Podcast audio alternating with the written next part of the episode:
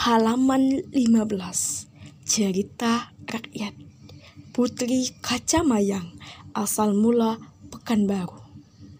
Alkisah Pada zaman dahulu kala Di tepi sungai Siak Berdirilah sebuah kerajaan Yang bernama Gasip Kerajaan ini sangat terkenal karena mempunyai seorang panglima yang gagah perkasa dan disegani. Panglima Gimpam namanya. Selama ia menjadi panglima kerajaan Gasip, tiada satupun kerajaan lain yang dapat menaklukkannya. Kerajaan Gasip juga mempunyai seorang putri yang kecantikannya sudah mansur sampai ke berbagai negeri. Putri Kacamayang namanya. Meskipun demikian, tak seorang raja pun yang berani meminangnya. Mereka merasa segan meminang sang putri karena Raja Gasip terkenal mempunyai panglima Gimpam yang gagah berani itu. Pada suatu hari, Raja Aceh memberanikan dirinya meminang Putri Kacamayang. Ia pun mengutus dua orang panglimanya untuk menyampaikan maksud pinangannya kepada Raja Gasip.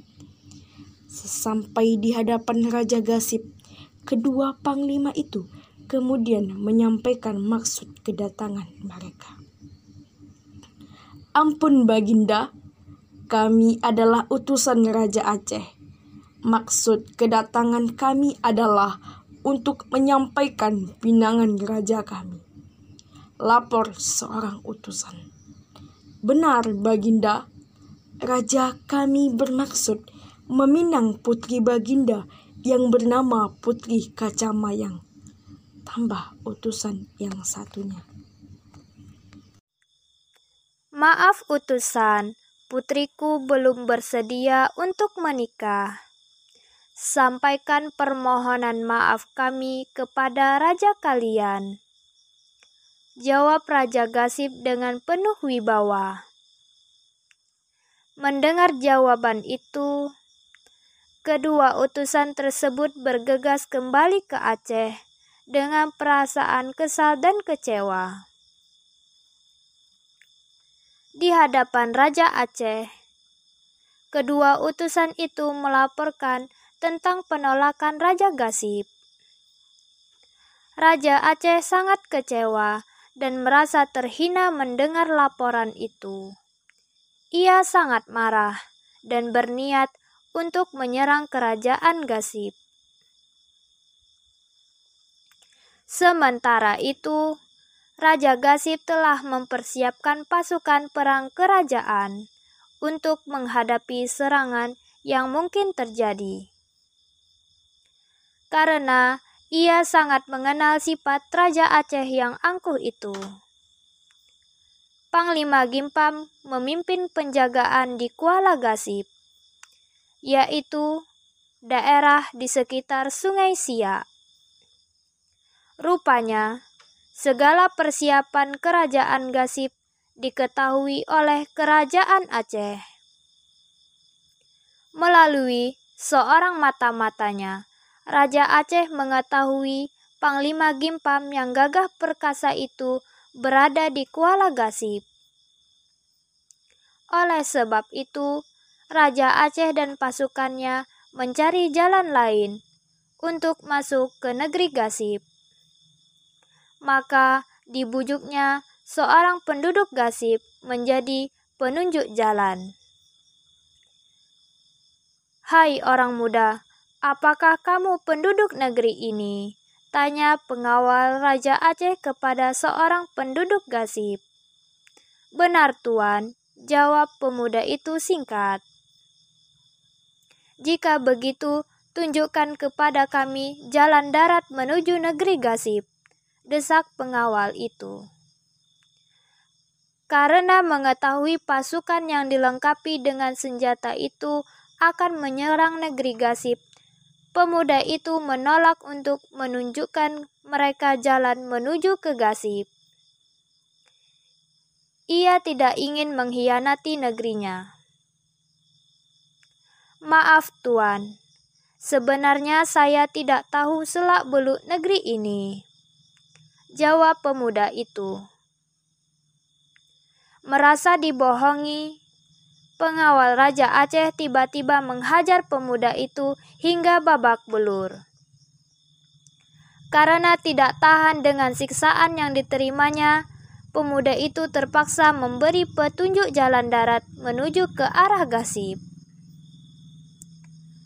Berkat petunjuk pemuda itu, maka sampailah prajurit Aceh di negeri Gasip tanpa sepengetahuan Panglima Gimpam dan anak buahnya.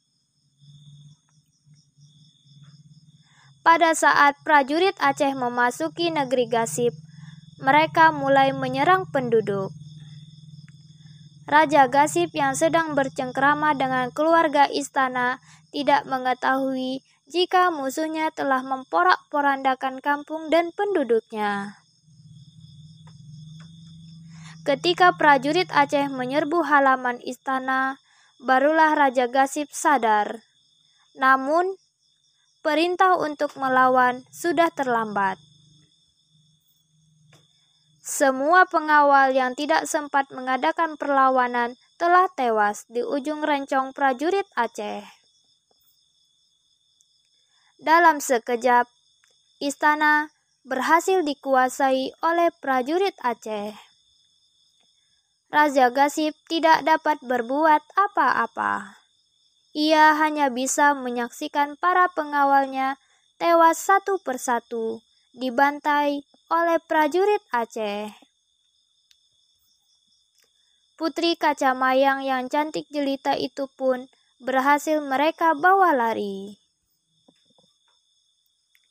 Panglima Gimpam yang mendapat laporan bahwa istana telah dikuasai prajurit Aceh. Ia bersama pasukannya segera kembali ke istana. Ia melihat mayat-mayat bergelimpangan bersimbah darah. Panglima Gimpam sangat marah dan bersumpah untuk membalas kekalahan kerajaan Gasip dan berjanji akan membawa kembali Putri Kaca Mayang ke istana. Pada saat itu pula, Panglima Gimpam berangkat ke Aceh untuk menunaikan sumpahnya. Dengan kesaktiannya, tak berapa lama sampailah Panglima Gimpam di Aceh. Prajurit Aceh telah mempersiapkan diri menyambut kedatangannya mereka telah menyiapkan dua ekor gajah yang besar untuk menghadang Panglima Gimpam di gerbang istana. Ketika Panglima Gimpam tiba di gerbang istana, ia melompat ke punggung gajah besar itu. Dengan kesaktian dan keberaniannya, dibawanya kedua gajah yang telah dijinakkannya itu ke istana untuk diserahkan kepada Raja Aceh.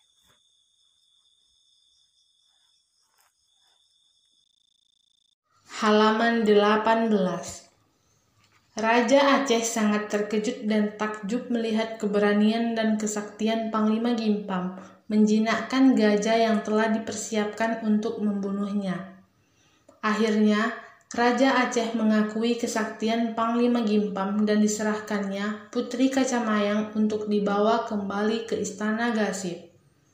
Setelah itu, Panglima Gimpam segera membawa Putri Kacamayang yang sedang sakit itu ke Gasip. Dalam perjalanan pulang, penyakit sang putri semakin parah. Angin yang begitu kencang membuat sang putri susah untuk bernafas. Sesampainya di Sungai Kuantan, Putri Kacamayang meminta kepada Panglima Gimpam untuk berhenti sejenak. Panglima, aku sudah tidak kuat lagi menahan sakit ini. Tolong sampaikan salam dan permohonan maafku kepada keluargaku di Istana Gasip. Ucap sang putri dengan suara serak. Belum sempat Panglima Gimpam berkata apa-apa, sang putri pun menghembuskan nafas terakhirnya. Panglima Gimpam merasa bersalah sekali karena ia tidak berhasil membawa sang putri ke istana dalam keadaan hidup. Dengan diliputi rasa duka yang mendalam, Panglima Gimpa melanjutkan perjalanannya dengan membawa jenazah Putri Kacamayang di hadapan Raja Gasip. Sesampainya di Istana Gasip, kedatangan Panglima Gimpam yang membawa jenazah sang putri itu disambut oleh keluarga istana dengan perasaan sedih. Seluruh istana dan penduduk negeri Gasip ikut berkabung. Tanpa menunggu lama-lama, jenazah Putri Kacamayang segera dimakamkan di Gasip. Sejak kehilangan putrinya, Raja Gasip sangat sedih dan kesepian. Semakin hari kesedihan Raja Gasip semakin dalam. Untuk menghilangkan bayangan putri yang amat dicintainya itu, Raja Gasip memutuskan untuk meninggalkan istana yang menyep dan menyepi ke Gunung Ledang Malaka.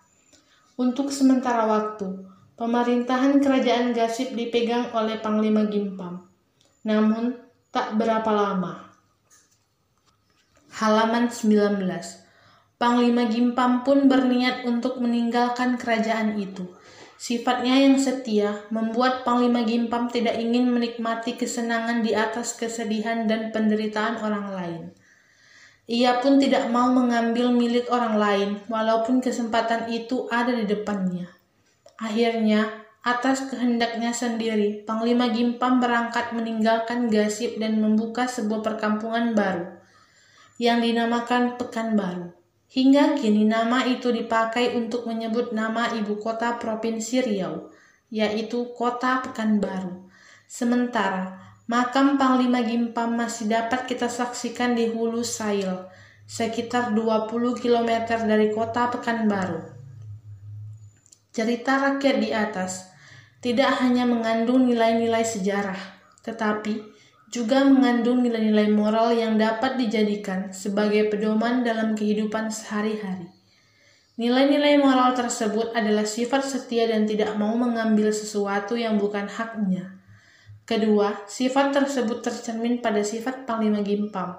Kesetiaan Panglima Gimpam ditunjukkan pada sifatnya yang tidak mau bersenang-senang di atas penderitaan rajanya.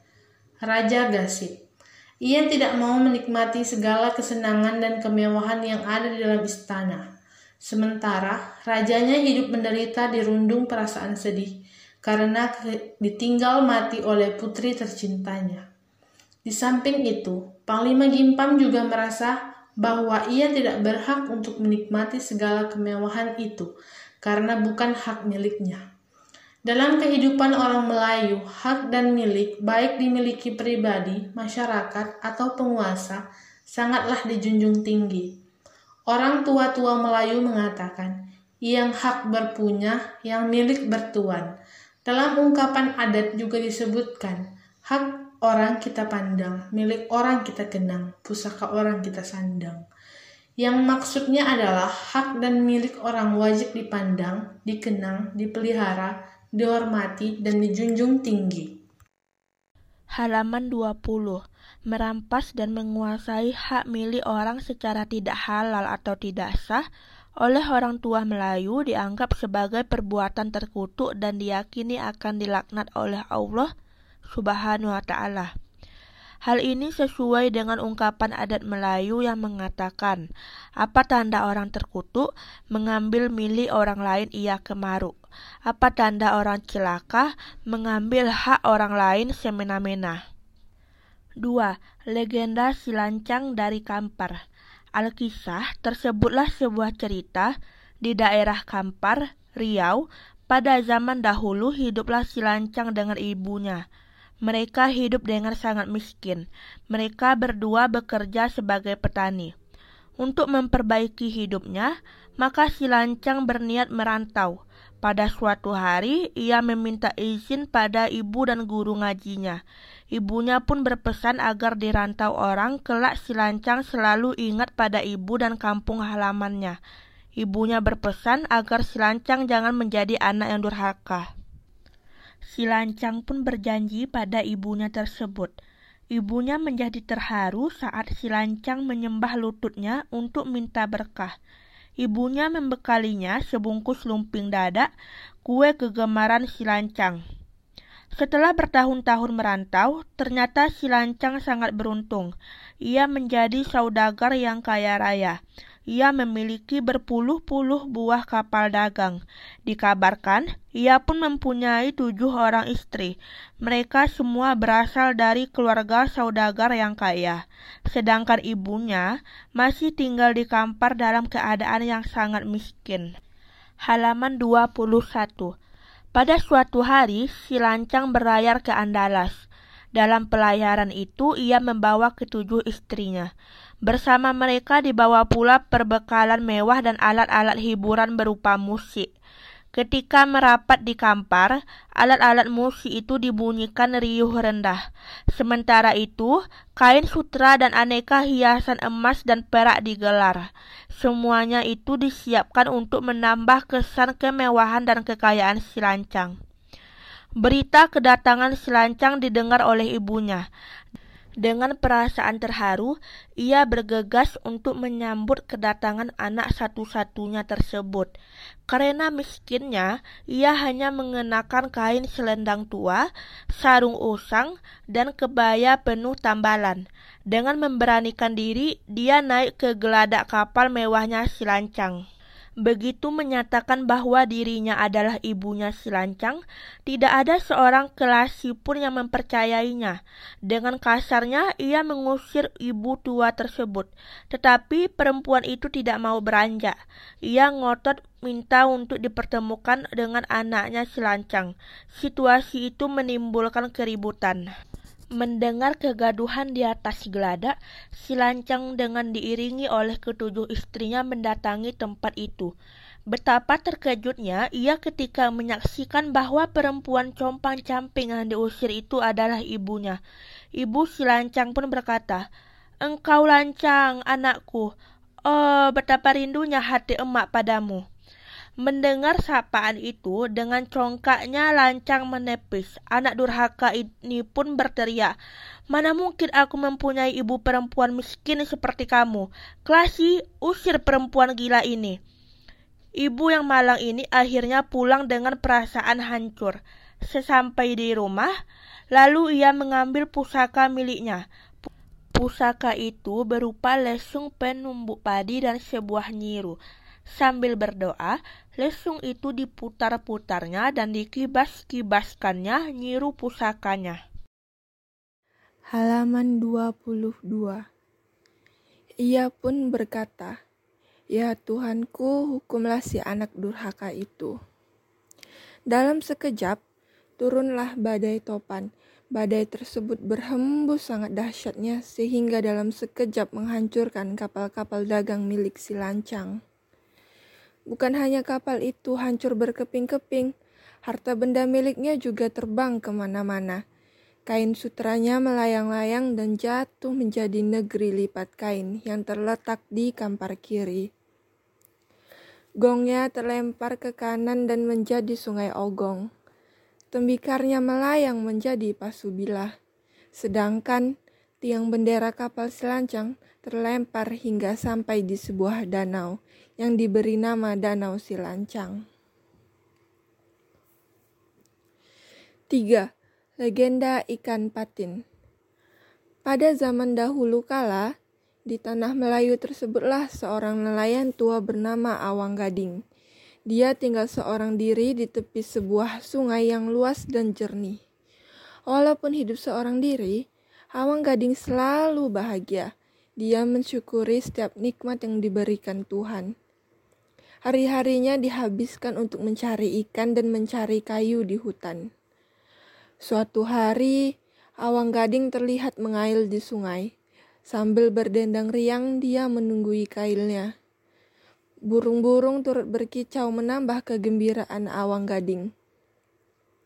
Sudah berkali-kali umpannya dimakan ikan, namun saat kailnya ditarik, ikannya terlepas. Air pasang telan ke insang, air surut telan ke perut, renggutlah, biar putus jangan rabut. Terdengar dendang awang gading melempar pancingnya kembali. Perlahan hari beranjak petang, namun tidak seekor ikan pun diperolehnya. Alangkah tidak beruntungnya diriku hari ini, keluh awang gading. Awang Gading bergegas membereskan peralatan pancingnya dan berniat pulang. Halaman 23 Tiba-tiba terdengar tangisan bayi. Dengan perasaan agak takut, Awang Gading mencari asal suara tersebut. Tak lama kemudian, Awang Gading melihat bayi perempuan yang mungil tergolek di atas batu. Rupanya dia baru saja dilahirkan oleh ibunya. Anak siapa gerangan kasihan ditinggal seorang diri di tepi sungai. Awang Gading berucap dalam hati. Awang Gading kemudian membawa pulang bayi perempuan tersebut. Malam itu juga Awang Gading menghadap ketua kampungnya untuk memperlihatkan bayi yang ditemukannya. Awang, berbahagialah karena kamu dipercaya raja penghuni sungai untuk memelihara anaknya. Rawatlah dia dengan baik. Pesan tetua kampung. Keesokan harinya, Awang Gading mengadakan tasyakuran atas hadirnya bayi di tengah kehidupannya. Awang mengundang seluruh tetangganya. Awang Gading memberi nama bayi tersebut Dayang Kumunah. Dayang sayang, anakku seorang, cepatlah besar menjadi gadis dambaan. Dendang Awang Gading saat menimang-nimang Dayang Kumunah. Sejak kehadiran Dayang, Awang bertambah rajin bekerja. Awang memberikan kasih sayang dan perhatian yang melimpah untuk Dayang. Berbagai pengetahuan yang dimiliki Awang ditularkannya kepada Dayang. Tak lupa, pelajaran budi pekerti juga diberikan di sela-sela kesibukan Awang bekerja. Setiap hari diajaknya Dayang mengail atau mencari kayu untuk mengenal keindahan alam secara lebih dekat. Waktu terus berjalan, Dayang Kumunah tumbuh menjadi gadis yang sangat cantik dan berbudi. Dia juga rajin membantu bapaknya. Sayang, Dayang Kumunah tidak pernah tertawa. Suatu hari, seorang pemuda kaya bernama Awangku Usop singgah di rumah Awang Gading. Dia terpesona saat melihat kecantikan Dayang Kumunah halaman 24 sampai halaman 25. Tak lama kemudian, Awangku Usop melamar Dayang kepada Awang Gading. Lamaran Awangku Usop diterima, tetapi Dayang Kumunah mengajukan syarat. Kanda Usop, sebenarnya kita berasal dari dua dunia yang berbeda. Saya berasal dari sungai dan mempunyai kebiasaan yang berlainan dengan manusia. Saya akan belajar menjadi seorang istri yang baik, tetapi jangan pernah minta saya untuk tertawa. Pinta ada yang kumunah. Awangku Usop menyetujui syarat tersebut. Pernikahan mereka diadakan dengan sebuah pesta yang sangat meriah.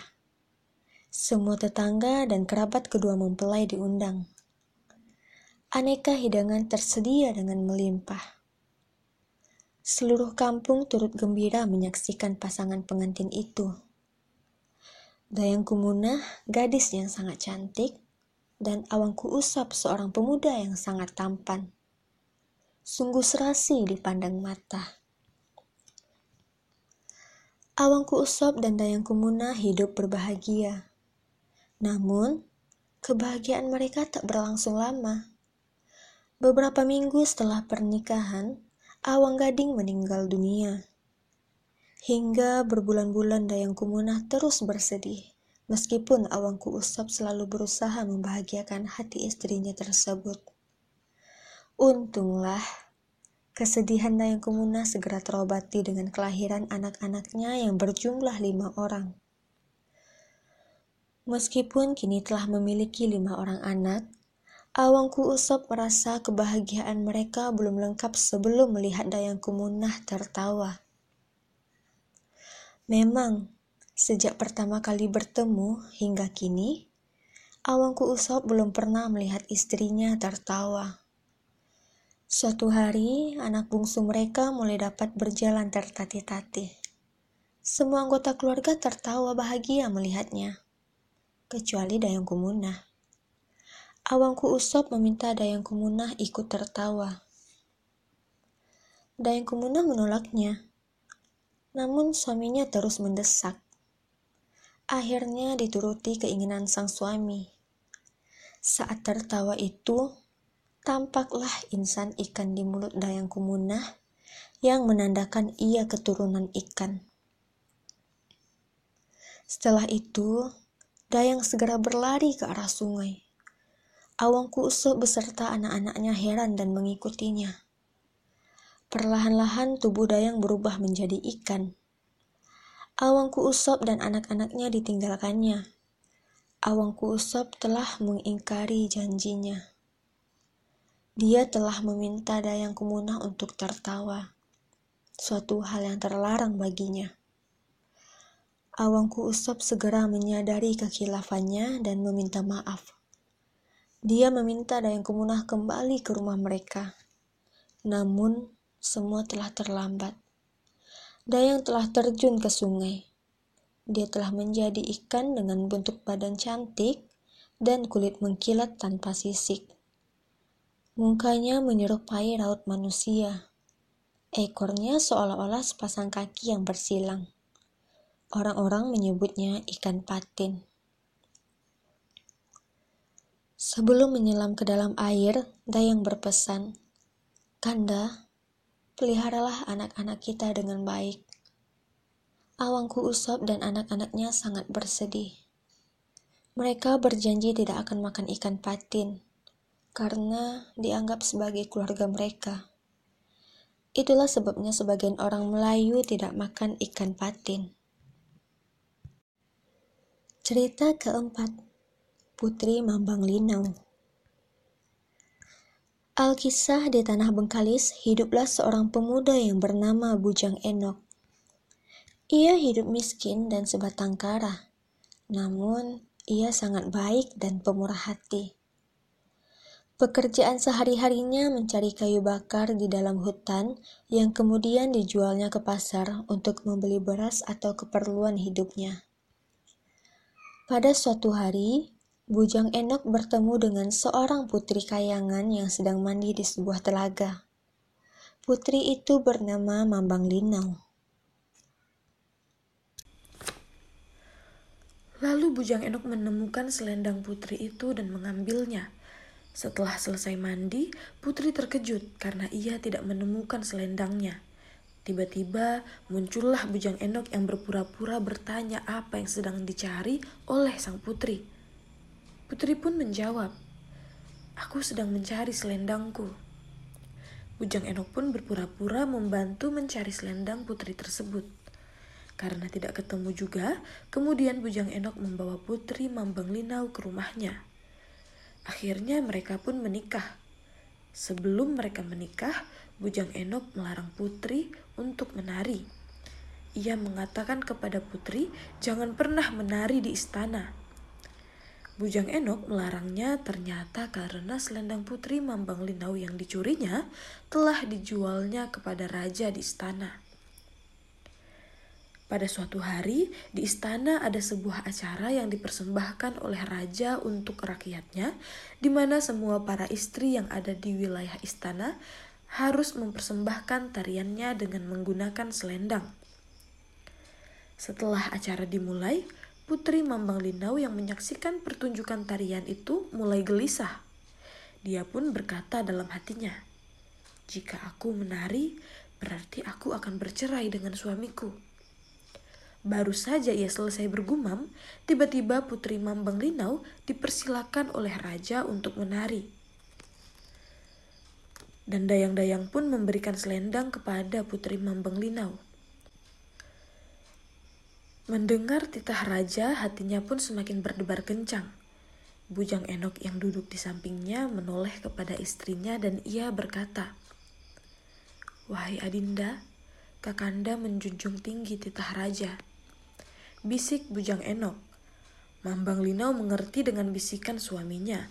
Mambang Linau pun berkata, Demi menjunjung tinggi titah raja dan rasa syukur atas tuah negeri ini, saya bersedia menari.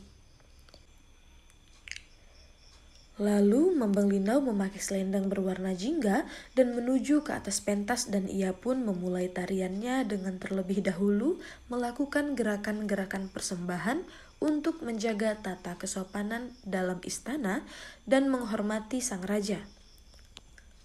Setelah itu, ia pun mulai menari layaknya seekor burung elang.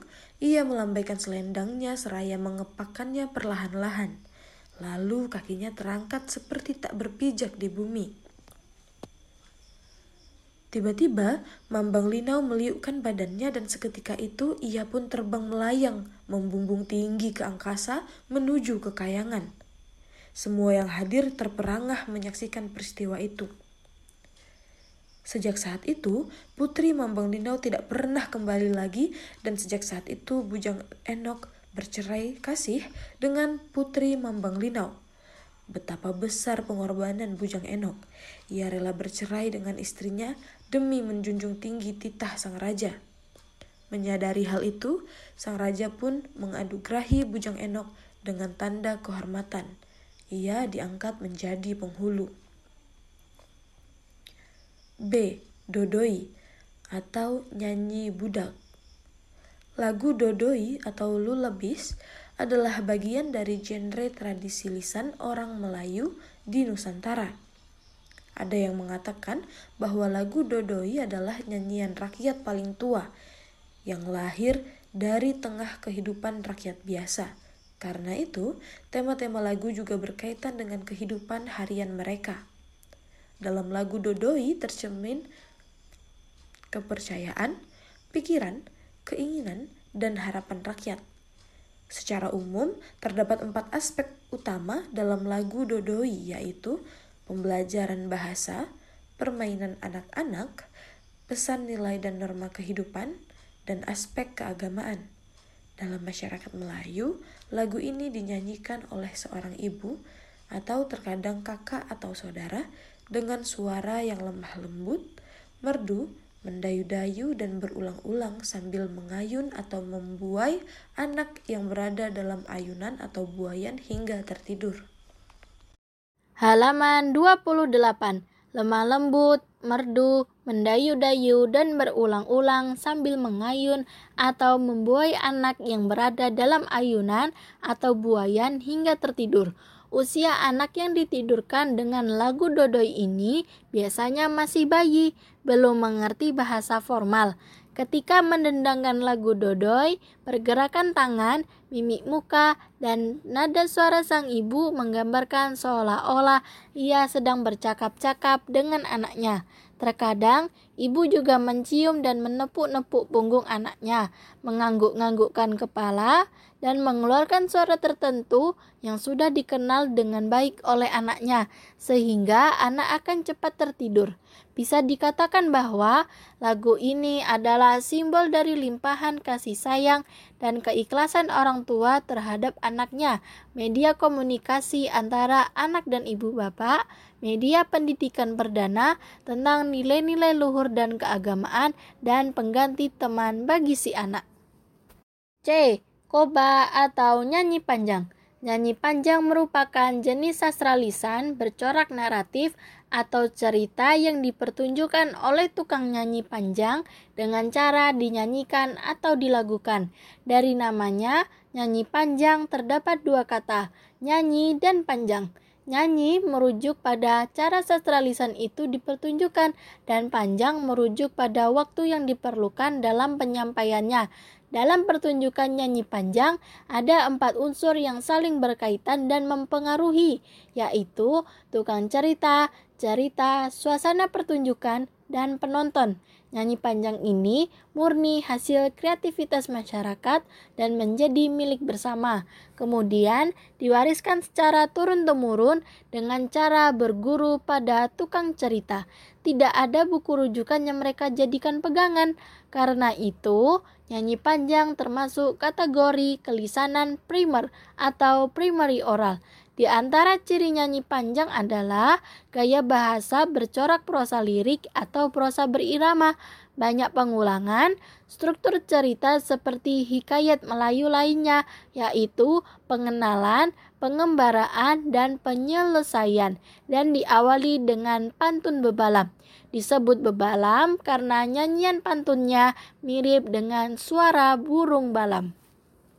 D. Pantun Pantun adalah bentuk puisi yang terdiri atas empat baris yang bersajak bersilih dua-dua atau pola AB-AB dan biasanya tiap baris terdiri atas empat perkataan. Dua baris pertama disebut sampiran atau pembayang, sedangkan dua baris berikutnya disebut isi pantun. Ada dua pendapat mengenai hubungan antara sampiran dan isi pantun. Pendapat pertama dikemukakan oleh H.C. Klinkert pada tahun 1868 yang menyebutkan bahwa antara sampiran dan isi terdapat hubungan makna. Pendapat ini dipertegas kembali oleh Pineapple pada tahun 1883 yang mengatakan bahwa Hubungan antara keduanya bukan hanya dalam tataran makna, tetapi juga tataran bunyi. Bisa dikatakan jika sampiran sebenarnya membayangkan isi pantun. Pendapat ini dibantah oleh Van Ophusen yang mengatakan bahwa sia-sia mencari hubungan antara sampiran dan isi pantun. Menurutnya yang muncul pertama kali di benak seseorang adalah isi, baru kemudian dicari sampirannya agar bersajak. Dalam perkembangannya, Hoikas kemudian memadukan dua pendapat ini dengan mengatakan bahwa pada pantun yang baik terdapat hubungan makna yang tersembunyi dalam sampiran, sedangkan pada pantun yang kurang baik, hubungan tersebut semata-mata hanya untuk keperluan persamaan bunyi. Pendapat Hoikos ini sejalan dengan pendapat Dr. Honoris Causa Tenas Effendi yang menyebut pantun yang baik dengan sebutan pantun sempurna atau penuh dan pantun yang kurang baik dengan sebutan pantun tak penuh atau tak sempurna karena sampiran dan isi sama-sama mengandung makna yang dalam atau berisi maka kemudian dikatakan sampiran dapat menjadi isi dan isi dapat menjadi sampiran Halaman 30 Dalam kehidupan masyarakat Melayu sehari-hari, pantun merupakan jenis sastra lisan yang paling populer. Penggunaannya hampir merata di setiap kalangan tua muda, laki-laki perempuan, kaya miskin, dari pejabat hingga rakyat biasa, dan seterusnya. Dalam praktiknya, pantun ini diklasifikasikan ke dalam beberapa jenis, yaitu pantun nasihat, pantun berkasih sayang, pantun suasana hati, pantun pembangkit semangat, pantun kerendahan hati, pantun pujian, pantun teka-teki, pantun terhadap perempuan, dan pantun jenaka. Pantun juga berfungsi sebagai bentuk interaksi yang saling berbalas, baik itu dilakukan pada situasi formal maupun informal. Pantun pada masyarakat Melayu mengalir berdasarkan tema apa yang tengah diperbincangkan. Ketika seseorang mulai memberikan pantun, maka rekan lain berbalas dengan tetap menjaga tali perbincangan. Dalam interaksi pantun berbalas ini, berlatar belakang pada situasi formal maupun situasi informal. Pada situasi formal, semisal ketika meminang atau juga membuka sebuah pidato, Sedangkan pada situasi informal, seperti perbincangan antar rekan sebaya. Pantun adalah genre sastra tradisional yang paling dinamis, karena dapat digunakan pada situasi apa pun. Sebagaimana dikatakan bahwa di mana orang berkampung, di sana pantun bersambung. Di mana ada nikah kawin, di sana pantun dijalin. Di mana orang berunding, di sana pantun bergandeng. Di mana orang bermufakat, di sana pantun diangkat. Di mana adat-adat dibilang, di sana pantun diulang. Di mana adat dibahas, di sana pantun dilepas. Halaman 31 Karena itu tidak pandang latar belakang apa pun. Pantun dapat digunakan baik untuk anak-anak, orang muda maupun orang tua. Adapun beberapa klasifikasi berbagai pantun antara lain berupa satu pantun nasihat terdiri atas dua yaitu pantun nasihat agama dan pantun nasihat adat. Yang kedua, pantun berkasih sayang terdiri atas tujuh, yaitu pantun berkenalan, pantun saling berjanji, pantun perceraian atau perpisahan, pantun memendam rindu, pantun putus cinta, pantun kasih tak sampai, dan pantun berangan-angan. Yang ketiga, pantun suasana hati, terdiri atas dua, yaitu pantun sukacita dan pantun duka cita. Yang keempat, Pantun pembangkit semangat terdiri atas tiga, yaitu pantun pembangkit semangat, pantun pembangkit keberanian, dan pantun pembangkit semangat hidup. Yang kelima, pantun kerendahan hati terdiri atas dua, yaitu pantun kerendahan hati pada ilmu pengetahuan dan pantun kerendahan hati pada harta. Yang keenam, pantun pujian terdiri atas empat, yaitu pantun pujian kepada Allah, pantun pujian kepada Muhammad, pantun pujian kepada orang tua, dan pantun pujian kepada pemimpin. Contoh pantun nasihat. Banyaklah angsa berebut terbang, membumbung angsa menuju lepak. Banyaklah jasa disebut orang, agunglah jasa ibu dan bapak. Sebesar-besar mayang pinang, takkan sama mayang kelapa. Sebesar-besar sayang orang, tak sama sayang ibu bapak. Supaya tangan tidak terluka, jangan dikepit halunya kapak. Supaya Tuhan tiada murka, jangan sakiti ibu dan bapak. Contoh pantun perkenalan. Dari mana hendak ke mana? Dari Jepang ke negeri Cina. Kalau boleh kami bertanya, bunga yang kembang siapa punya? Dari Jepang ke bandar Cina, singgah berlabuh di Singapura. Bunga yang kembang siapa punya? Bolehkah kami ingin memetiknya? 12. Pantun kepemimpinan A. Pantun pemimpin berpendirian teguh. B. Pantun pemimpin menjadi pelindung. C. Pantun pemimpin adil. D. Pantun pemimpin amanah. 13. Pantun dalam prosesi pernikahan. A. Pantun untuk merisik. B. Pantun untuk meminang. C. Pantun dalam prosesi akad nikah. D. Pantun di hari persandingan. E. Pantun di malam pertama.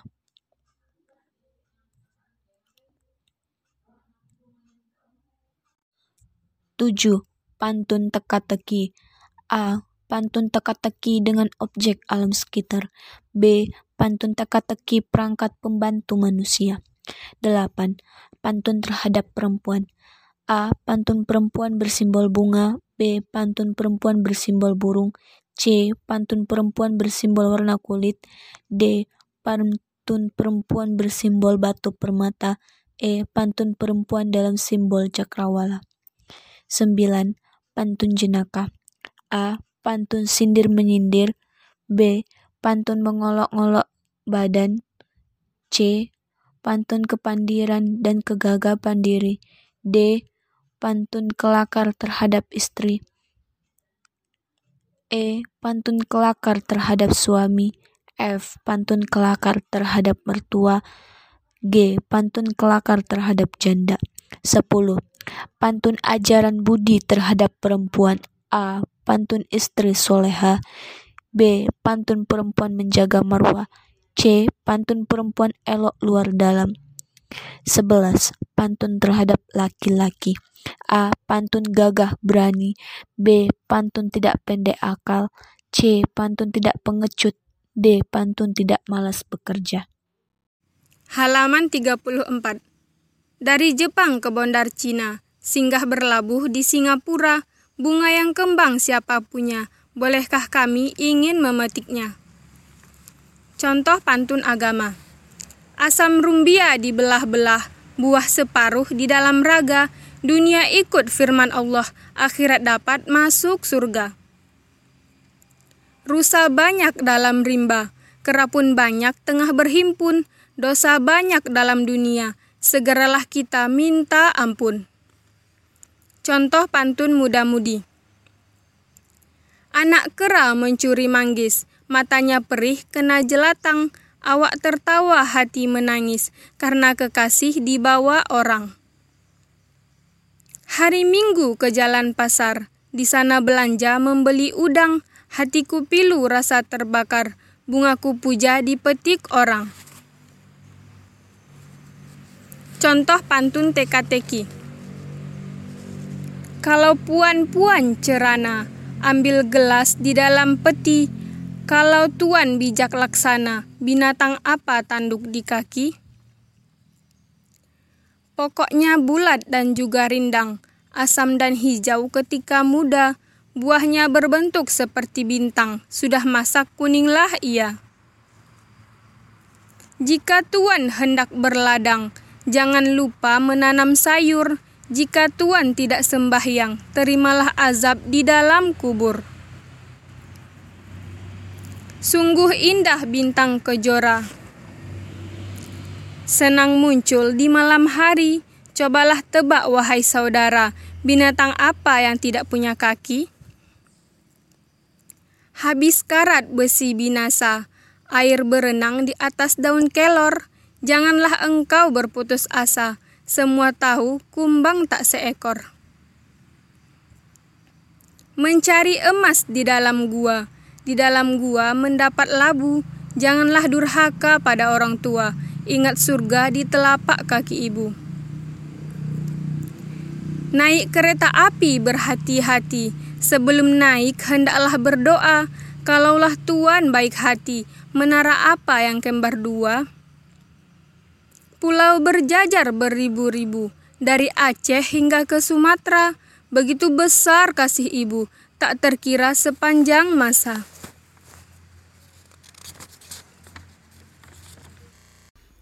Getah dipanen baru buku-buku, ditukar uang rasanya nikmat. Jangan menikah sesama suku, melanggar adat hidup melarat. Hari Minggu pergi ke kota, singgah sebentar membeli roti Walaupun engkau jauh di mata, namun kan tetap dekat di hati. Kucing kurus mandi di papan, papan bernama si kayu jati. Saya kurus bukan tak makan, karena memikirkan sejantung hati. Beribu-ribu jenis bintang, hanya satu yang bercahaya terang. Beribu-ribu jenis kumbang, hanya satu yang kusayang anak kecil bermain bola. Bermain bola ke tengah lapang. Hati siapa yang tak gembira melihat kekasih sudah datang. Hari Sabtu pergi ke pasar, di pasar membeli kerang. Hatiku pilu terasa terbakar, kekasihku sayang diambil orang. Jika kalian hendak ke hulu, jangan lupa memakai perahu.